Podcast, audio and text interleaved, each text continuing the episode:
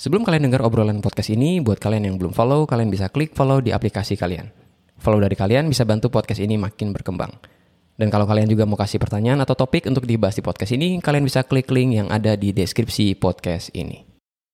Kita tentu sering merasa kurang waktu luang, ya nggak? Ya, karena dominan waktu yang kita miliki kita gunakan buat belajar, buat kerja, dan ngerjain kerjaan di rumah.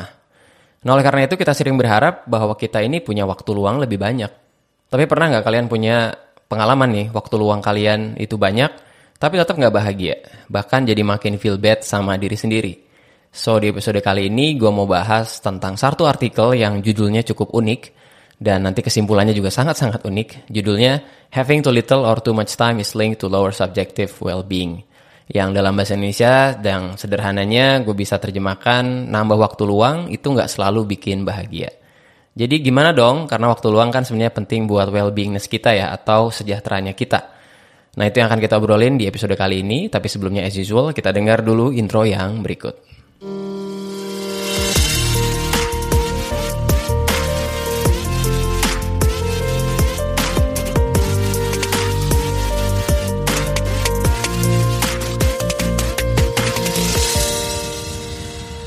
Halo semua, semoga kalian semua dalam keadaan baik dan sehat dan kayaknya udah makin banyak yang punya aktivitas di luar rumah lagi ya. Yang pandeminya udah makin baik rasanya. Semoga kalian semua juga dapat kembali beraktivitas di luar rumah ya. Dan nanti gue akan cerita struggle gue sendiri yang kembali menyesuaikan diri untuk ngantor di kampus.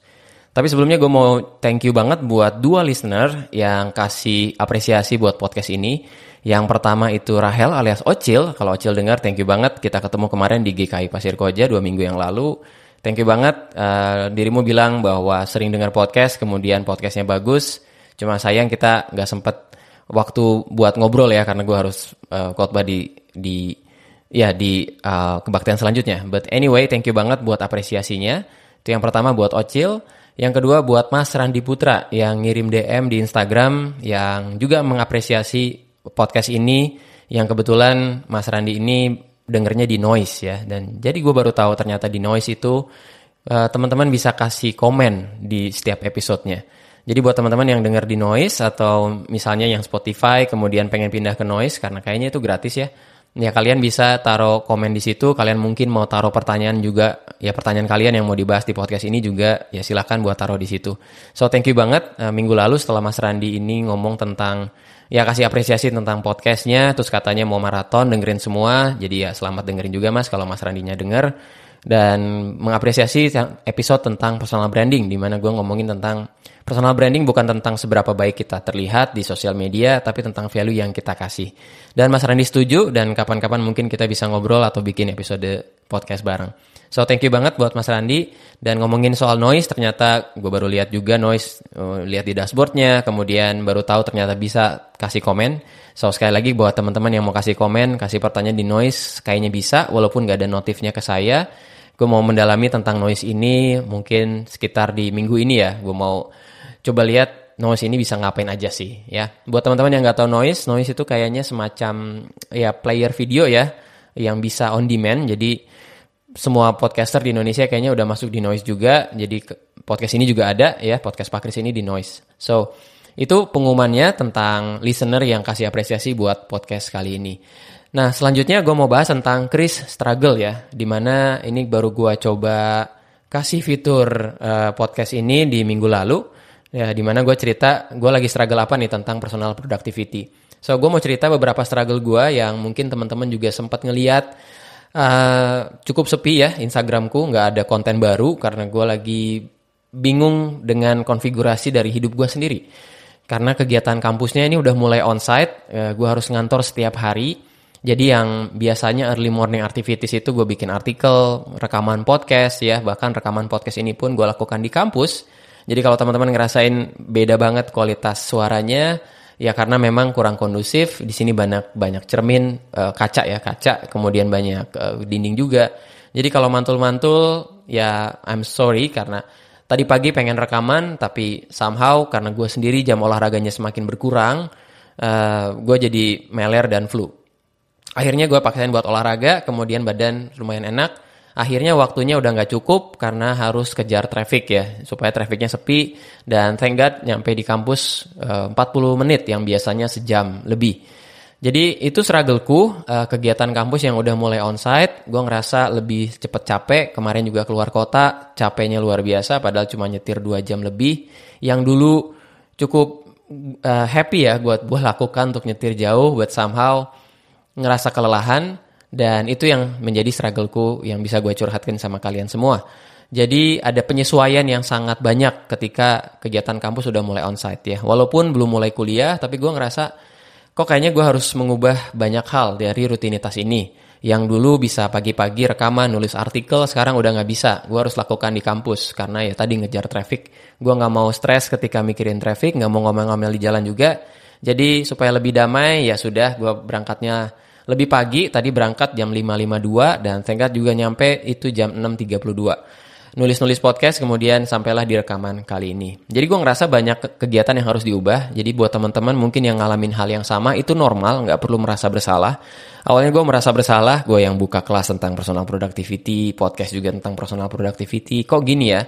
yang akhirnya membuat hmm, tiga episode itu tertinggal ya. Jadi ada tiga episode dari podcast ini tertinggal. Ada minggu yang nggak ada episodenya buat teman-teman yang suka denger Kamis pagi. Ya semoga minggu ini atau Kamis tanggal 1 September ini di mana podcast ini launch, teman-teman bisa merasakan bahwa I'm back into the game. Gue lagi mencoba membuat konfigurasi yang baru ya. Dan kalau konfigurasinya udah oke, okay, gue akan cerita mungkin ada satu episode podcast yang terdedikasi buat hal-hal kayak gini. Karena rasanya kita nggak bisa punya konfigurasi yang sama terus ya. Mungkin teman-teman ngerasain yang dulunya SMA cukup produktif ketika kuliah harus ada penyesuaian. Buat yang tadinya mungkin kayak gue yang aktivitasnya full di rumah tapi ternyata harus kembali ke kantor atau ke kampusnya atau ke tempat kerja, ya tentunya harus banyak yang diubah. Dan itu yang sedang gue coba uh, lakukan di beberapa hari ini ya. Itu uh, update dari Chris Struggle ya. Itu yang pertama. Yang kedua gue sedang berlatih quick notes capture ya. Jadi uh, ah, gue lagi banyak nulis jadi apa pun yang lagi gue pikirin gue langsung tulis. Kayak tadi di jalan ya memang ketika nunggu pintu tol ada kepikiran sesuatu kemudian gue tulis di handphone. Uh, somehow gue harus punya sistem yang lain ketika gue nyetir ya. Entah itu voice capture atau ya gue bisa rekam suaraku tentang apa yang gue pikirkan. Jadi gue sedang berlatih quick notes capture ini. Artinya apa pun yang kita lagi pikirin sekarang ada hal yang mungkin harus kita kerjain itu jangan disimpan di kepala tapi langsung tulis karena mungkin teman-teman pernah ngerasain ketika nginget sesuatu, ada satu ide, ada satu hal yang dilakukan, kemudian lupa ditulis dan akhirnya kelupaan. Kemudian kita berusaha mengingat apa yang kemarin kita pikirin atau tadi pagi, tapi akhirnya bikin jadi stres juga karena nginget sesuatu itu nggak gampang dan ada banyak uh, cognitive load ya atau uh, daya yang keluar dari otak kita untuk mengingat sesuatu tersebut. So instead of kita ngingetin sesuatu, kenapa nggak tulis aja quick capture-nya ya? Jadi apa yang kita pikirin langsung ditulis aja. Nah gue punya at least tiga sistem nih ya buat nulis quick capture. Yang pertama di iPadku, gue bisa nulis di situ pakai tulisan tangan, pakai Apple Pencil. Kemudian yang kedua pakai pakai notes yang ada di handphone. Dan juga gue lagi bikin yang rada rumit sih memang ya itu gue pakai Notion ya. Jadi ya cukup rumit juga dan beberapa hal ya, ya on occasion gue kayak struggle gimana nih nulis yang bener ya. Dan beberapa kali berhasil, banyak kali juga enggak. Jadi lagi nyari konfigurasi yang tepat gimana bisa gue gua gua tulis apa yang lagi gue pikirin ya. Itu kemudian gue lagi pindah sistem juga ke tulisan digital. Jadi uh, untuk jadwal mingguan dan harian itu nggak pakai Notion lagi karena dua hari yang lalu gue nemuin hidden gem. Hidden gem yang gue lagi yang gue dan nyari-nyari sejak mungkin setahun belakangan ya. Gimana punya satu planner yang baik di iPad. Jadi gue bisa nulis dengan tulisan tangan, bisa coret-coret. Yang biasanya pakai Notion diketik, tapi sekarang udah bisa ditulis-tulis. Dan ada satu buat teman-teman yang pakai iPad mungkin bisa coba juga. Nanti gue taruh di show notes mungkin ya. Itu ada satu template uh, planner ya. Um, itu bisa planning buat bulanan, uh, kemudian mingguan, kemudian harian. Ada time blocknya juga.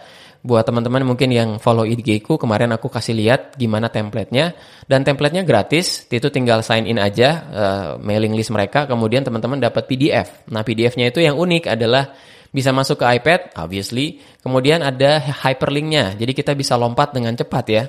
Dari uh, rencana mingguan ke rencana harian. Dengan cepat tinggal diklik aja Jadi nggak perlu swipe-swipe ya, karena ngebayangin punya itu PDF-nya tuh hampir 400-an halaman teman-teman. Karena ya tiap hari kan ada 365 setidaknya. Jadi itu yang bikin jadi panjang, tapi mereka tuh keren banget bisa kasih hyperlink. Jadi kita tinggal klik aja, kita tinggal touch aja pakai pensil, kemudian dia pindah gitu ya. Itu mungkin yang lagi gue cobain, ya lalu satu lagi yang bisa gue curhatin, gue coba uninterrupted time and place ya. Artinya karena udah ke kantor, kemudian banyak gangguan juga, kecuali pagi-pagi kayak gini nih masih kosong banget di kampus. Uh, kemarin dua minggu yang lalu kurang lebih, ya, kalau nggak salah dua minggu lalu, gue nyobain buat nyewa office ya, bukan office banget sih, tapi nyobain uh, nyewa tempat coworking di mana gue bisa kerja tanpa terinterupsi dan akhirnya jadilah satu bahan kuliah ya. Jadi itu benar-benar tempatnya enak di Geraha Pos kalau teman-teman yang di Bandung bisa cobain di Geraha Pos di uh, Jalan Banda ya. Itu pas di di hooknya lah ya. Di situ ada Starbucks juga, bisa ngopi pagi-pagi di situ dan mereka punya daily pass si Geraha Pos ini namanya Point Lab, Point Lab ya, namanya Point Lab. Itu 50.000 sehari dan free flow coffee and tea. Belum nyobain kopinya tapi I think it's a good one buat teman-teman di Bandung yang butuh tempat untuk menyendiri buat kerja tanpa diganggu, pergi aja ke Geraha Pos, naik ke lantai 2, bayar daily passnya, bahkan bisa weekly pass 250 ribu. Teman-teman akan dapetin tempat yang cozy banget, enak banget buat mikir di situ. Ya, memang banyak kan coworking kemarin ada di satu ruangan gue ada tiga orang, satu memang lagi kayaknya lagi meeting di Zoom, jadi rada berisik sedikit. Tapi tinggal taruh headphone, kemudian bisa konsentrasi. Gue bisa konsentrasi dengan full dengan baik itu dua jam dan akhirnya dapat satu bahan kuliah. So, gue akan coba lagi kayaknya di tiap hari Rabu karena tiap hari Rabu gue nggak ngajar di semester yang baru. Oke, okay? so untuk rangkumannya, struggleku adalah gue lagi mencari perfect balance dan perfect pace yang pas uh, untuk menjalani semua aktivitas kembali ya. Jadi nantikan nanti nantiin lagi. Nantikan saja ini podcast bakal rutin lagi dan juga ada uh, ada konten uh, Instagram carousel yang akan rutin lagi. So, itu struggle gue yang mungkin relate dengan teman-teman. So, sekarang kita masuk, ini gue curhat lumayan lama ya, 12 menit. Anyway, semoga berguna buat teman-teman. Nah, kita masuk di satu hal yang cukup menarik yang menjadi bahasan dari podcast ini ya, uh, di mana kita mau uh, ngomongin tentang waktu luang ya Tadi di prolog juga gue sampaikan bahwa uh, waktu luang itu kita impi-impikan, bener nggak? Kita pengen punya lebih waktu luang, kemudian kita ingin supaya kita nggak sibuk-sibuk amat dan melakukan apa yang kita inginkan dengan waktu yang kita punya, yang didefinisikan dengan waktu luang. Nah ada yang menarik begitu gue baca satu paper yang judulnya ternyata katanya dalam bahasa Indonesia punya waktu yang lebih yang yang sedikit atau punya waktu yang lebih banyak. Itu dua-duanya itu membawa yang membawa yang namanya lower subjective well-being. Artinya kita tuh nggak terlalu sejahtera atau nggak terlalu um, bahagia, ya.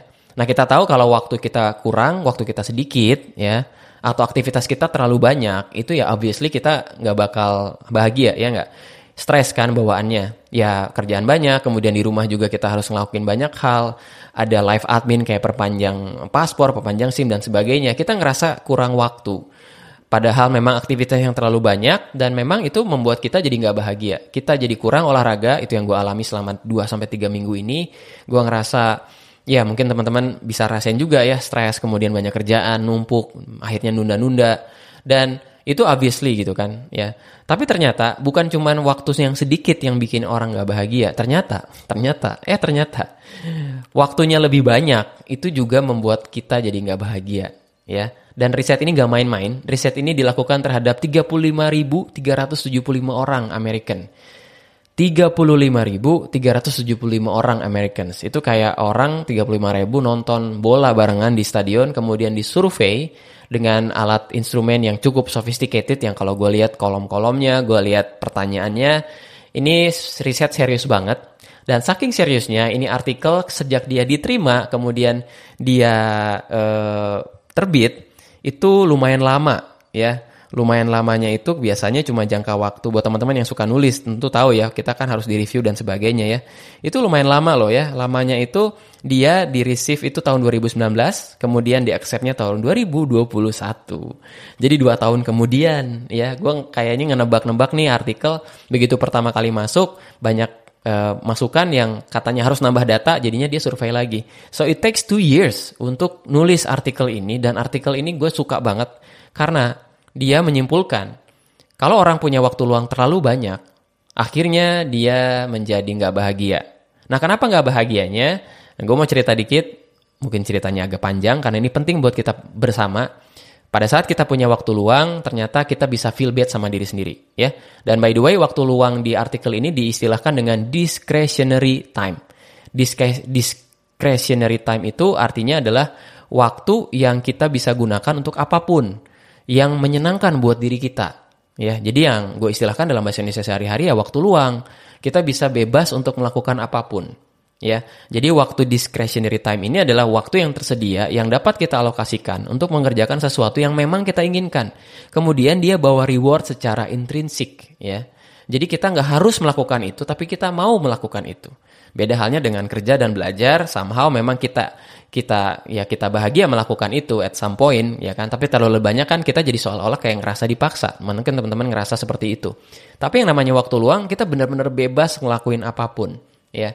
Yang membawa reward pada diri sendiri ya buat gue adalah nonton ya. Minggu kemarin gue nonton Mission Impossible lagi dari MI1 sampai MI3 sekarang at the moment gue lagi nonton MI3 dan buat teman-teman mungkin main game ya hangout dengan teman kemudian ngelakuin hobi dan sebagainya. Itu ada yang namanya adalah waktu luang ya. Nah ternyata kebanyakan waktu luang itu nggak bahagia. Ya nggak selalu gitu loh ya. Nggak selalu bikin bahagia. Ya karena kalau kita melakukan apa yang kita mau dan ternyata kalau terlalu banyak dan itu ternyata bawa nggak bahagia ya. Nah hal yang fundamental yang kenapa ini terjadi yang bisa gue ceritain sama teman-teman adalah ternyata pada saat kita punya waktu luang lebih banyak somehow kita merasa buruk terhadap diri sendiri kita feel bad terhadap diri sendiri. Kok gue nggak ngapa-ngapain kok gue nggak sibuk gitu ya. Kita ya udah waktu luang aja. Teman pernah nggak? Gue yakin teman-teman pernah ngerasain seperti itu. Ketika nonton Netflix terlalu lama YouTubean terlalu lama waktu luang memang ada tapi ternyata ada perasaan nggak enak ketika nggak ngapa-ngapain. Ya nah kenapa ini bisa terjadi? Ya ternyata ternyata terus ya dari artikel ini dan dari beberapa podcast yang gue baca podcast Pak Kris akan kembali setelah promo yang berikut Buat kalian yang ingin meningkatkan produktivitas tapi bingung mau mulai dari mana, Podcast Pak Kris menawarkan tiga kelas online, Kickstart Your Productivity. Tiga kelas itu adalah Berhenti Menunda, Melatih Fokus, dan Plan Your Perfect Week. Kelas ini berbasis video yang bisa kalian pelajari kapan pun. Di kelas ini juga ada exercise-nya di mana kalian bisa isi worksheet atau lembar kerja, sehingga bisa menerapkan tips-tipsnya ke kehidupan kalian. Nah, kalian bisa beli secara terpisah seharga 79.000 per kelas atau langsung beli bundling dengan harga 199.000. Untuk pendengar podcast ini secara khusus akan mendapatkan 20% diskon dengan memasukkan kode podcast Pakris. Untuk informasinya kalian bisa klik link yang ada di deskripsi dari podcast ini. Sekarang kita lanjutin obrolan kita di podcast Pakris.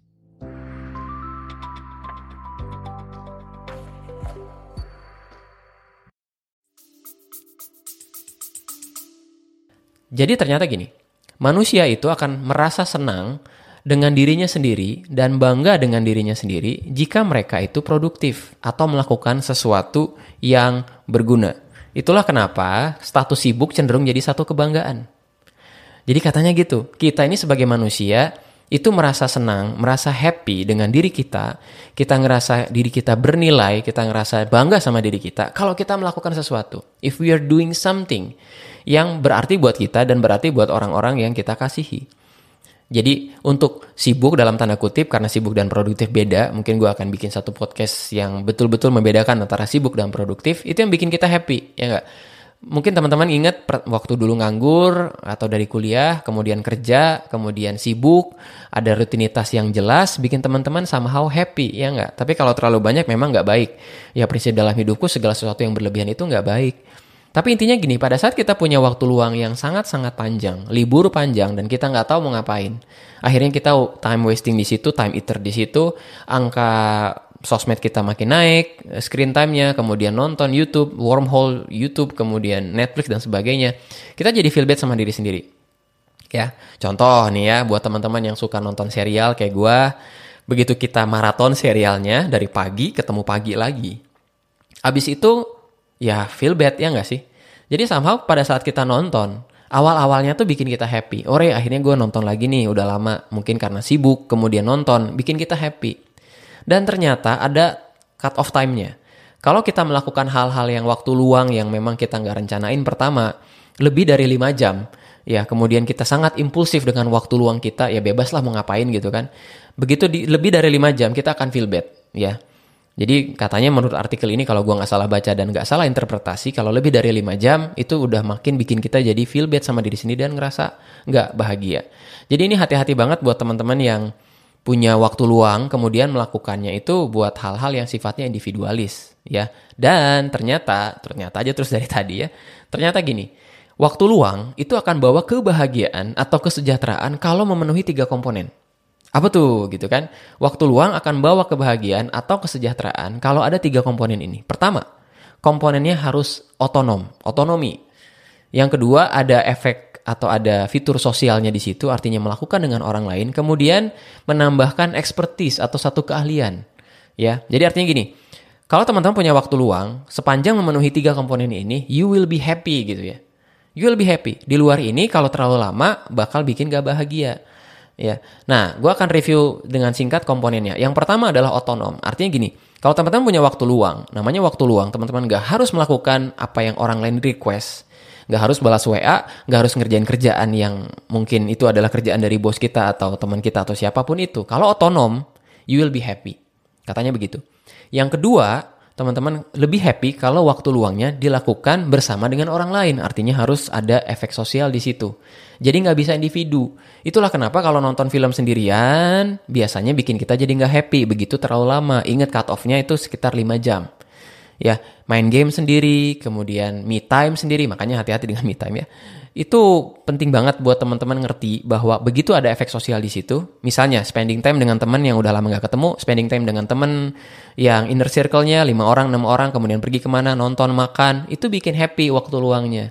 Dengan keluarga misalnya, ya, um, beberapa kebiasaan yang lagi gue lakukan juga dengan keluarga, jam 4 sampai jam 7 biasanya family time, gue ajak anak gue uh, jalan keliling komplek, kemudian hari Rabu malam juga pasti akan keluar, keluar rumah untuk makan kemudian main. Jadi kalau ada efek sosialnya itu bisa bikin kita happy dibandingkan dengan individu.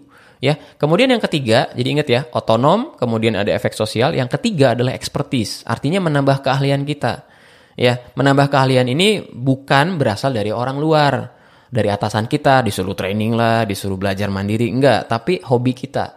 Your expertise yang hobi sifatnya, ya. Jadi kalau kita misalnya ke gym, kemudian kita ingin meningkatkan fisik kita, waktu luang kita digunakan hal seperti itu, itu bikin bahagia. Yang mening yang meningkatkan expertise atau kita somehow ya waktu luang yang produktif, ya gitu, ya. Sebaliknya, kalau dia nggak otonom, dia nggak sosial, kemudian nggak expertise, ya waktu luangnya akan diminishing return. Artinya awal-awalnya teman-teman ngerasa bahagia, tapi makin ke sana makin gak bahagia. At the end of that activities, teman-teman makin gak bahagia dan feel bad dengan diri sendiri. Ya, artinya kalau waktu luang yang kita punya untuk aktivitas yang individual dan tidak produktif, nggak bikin bahagia juga. Artinya kalau teman-teman me time, jangan lama-lama. Itu ya, jangan lama-lama uh, mau nonton maraton, mau teman-teman misalnya uh, main game sendiri, ya atau misalkan mau makan sendiri, me time lah ya intinya. Me time, me time itu kan gue doang, gue cuma gue, aku, uh, me, myself and I gitu kan. Nah itu boleh dan jangan lama-lama. Berapa coba? Artikel ini bilang gini, ada cut off-nya. Dua jam itu cukup buat me time per hari. Ya, dua jam. Mungkin teman-teman ngerasa, astaga, dua jam aja mungkin gue nggak punya gitu kan. Tapi kalau teman-teman punya waktu luang, either itu di weekend, ketika libur, jangan lebih dari dua jam per hari. Segala sesuatu yang terlalu banyak, yang kayaknya itu dirapel gitu ya kan, gue udah lama nih nggak me time selama enam bulan. Kemudian gue gue mau ada list eh, video Korea, ada list ini, list ini, list ini yang mau gue lakukan. Tapi kalau teman-teman melakukannya sepanjang itu individu, kemudian gak produktif, teman-teman makin lama makin gak bahagia. Ya, individu nggak produktif. Contoh, nonton terlalu lama. Sendirian kan, kalau sendirian makin ke sini makin teman-teman ngerasa diri kita nggak ya, ya diri kita jadi nggak berguna kalau yang nggak produktif. Ya, itulah kenapa artikel ini gue suka banget karena dia mengidentifikasi waktu luang yang bikin bahagia. Itu seperti ini, ya. Gue akan ulangi, otonom, ada sosialnya, ada ekspertisnya, ya, dan itu nggak lebih dari dua jam juga, ya Sementara waktu luang yang bikin gak bahagia adalah yang individual dan gak produktif. Dan itu kalau udah uh, nyampe antara 2 sampai 5 jam bahkan lebih dari 5 jam itu makin teman-teman itu jadi nggak bahagia. Oke, okay? so call to action karena gue suka dengan hal-hal yang praktis. Dampak dari artikel ini call to action buat teman-teman adalah setiap hari kalau teman-teman bisa maksimal 2 jam punya waktu luang. Maksimal ya. Digunakan untuk kegiatan yang sifatnya otonom, bersosialisasi dengan orang lain dan ekspertisnya teman-teman. Ngerjain hobi, ngobrol dengan keluarga, ngobrol dengan teman, uh, segala hal yang membuat teman-teman senang. Jangan terlalu lama juga ya. Katanya ya maksimal 2 jam. 2 jam lebih boleh sih. Ya, aku lagi coba coba ya punya minimal 2 jam lah ya gitu ya. Jadi gue lagi bereksperimen juga karena yang namanya statistik dari si artikel ini ya angka 2 jam dan 5 jam tadi ya relatif buat tiap orang. Itu kan rata-rata dari 35.375 orang tuh ya. Ya, but rule of thumb-nya me time jangan lebih dari 2 jam per hari. Kemudian kalau misalnya kegiatannya individual juga antara 2 sampai 5 jam jangan lebih juga ya. Memang gua rada ambigu nih tentang 2 jam dan 5 jam. Tapi teman-teman ngerti, sepanjang kegiatannya individu, sepanjang kegiatan yang nggak produktif, makin lama teman-teman lakukan akan makin feel bad sama diri sendiri. Oke, okay? lalu call to actionnya hati-hati dengan me time juga. Me time itu penting buat kita, tapi jangan terlalu lama juga. Kalau bisa me time, ya ngerjain hobi kek, bersosialisasi dengan orang lain kek, ya memang jadinya nggak me time tapi we time ya. Jadi kayaknya itu menarik juga ya. Jangan terlalu banyak me time tapi we time juga, dengan entah itu dengan teman atau dengan keluarga. Oke, okay? so itu semua yang bisa gue sampaikan di podcast kali ini, podcast episode 48 Gue harap teman-teman yang punya waktu luang atau akan punya waktu luang bisa dapetin value dari podcast ini. Di mana waktu luangnya bisa digunakan dengan hal yang baik. Tapi kalau waktunya waktu luangnya hanya sekedar nggak produktif, kemudian individual, jangan kaget kalau teman-teman ngerasa nggak berarti, teman nggak berarti banget sih. Teman-teman ngerasa nggak produktif, feel bad sama diri sendiri, karena itu sudah dibuktikan secara saintifik, di mana si artikel ini meneliti 35.375 orang. Oke, okay? so Selamat punya waktu luang, selamat menggunakan waktu luang dengan baik, jangan terlalu lama juga, nanti diminishing return, tapi secukupnya aja. Oke, okay? menurut gue itu yang bisa gue kasih buat teman-teman semua. Kita akan ketemu di episode selanjutnya. Gue udah nyiapin beberapa ide episode yang bisa jadi value buat teman-teman juga. Oke, okay? so take care teman-teman, sehat-sehat, bye-bye. Kalau kalian dapat value atau manfaat dari podcast ini dan ingin say thank you, kalian bisa support podcast ini dengan mentraktir Pak Kris dengan klik link yang ada di deskripsi podcast ini. Terakhiran kalian akan sangat berarti untuk podcast ini tetap running dan bantu orang-orang untuk stay productive. I'll see you guys later dan stay productive.